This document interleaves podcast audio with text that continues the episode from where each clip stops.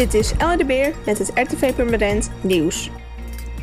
Afgelopen zondag vond een ernstig ongeval plaats aan de Nieuwstraat. De aanrijding werd er omstreeks half elf in de avond veroorzaakt door een bezorger op een bromfiets die een fietser aanreed. Er was een traumaarts ingeschakeld die op de straat in het Purmerendse centrum de rondbrenger verzorgde. Beide personen zijn uiteindelijk overgebracht naar het ziekenhuis. Over de toedracht van het ongeval is vooralsnog niks bekend. Acteur en regisseur Ietver Bosma opent zondag 9 augustus om 4 uur een nieuwe grote expositie in de kapel van het kerkhof aan de Overweerse Polderdijk. Deze keer draait het om keramiek van de Purmerender Rodi Vroom en foto's van Ems Willems uit Weesp. Zondag is de officiële opening, maar de expositie is al vanaf vrijdag 7 augustus te zien.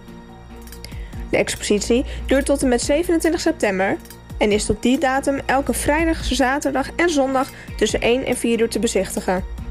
Er is dan een gastvrouw of gastheer aanwezig die van alles kan vertellen over de locatie van de expositie. De IJs Inline Skate Club Purmerend is zaterdag 8 augustus gastheer van internationale inline skatewedstrijden.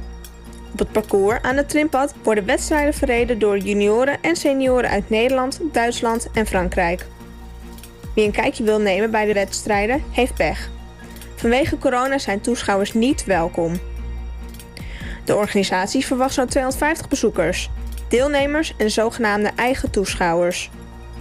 Jeugd, junioren A en senioren strijden om diverse afstanden tegen elkaar, waaronder de 100 meter sprint. De wedstrijden beginnen om 10 uur. Het evenement is de derde baanwedstrijd van het seizoen in het kader van KNSB Inline Cup. Voor meer nieuws, kijk of luister je natuurlijk naar RTV Purmerend, volg je onze socials of ga je naar rtvpurmerend.nl.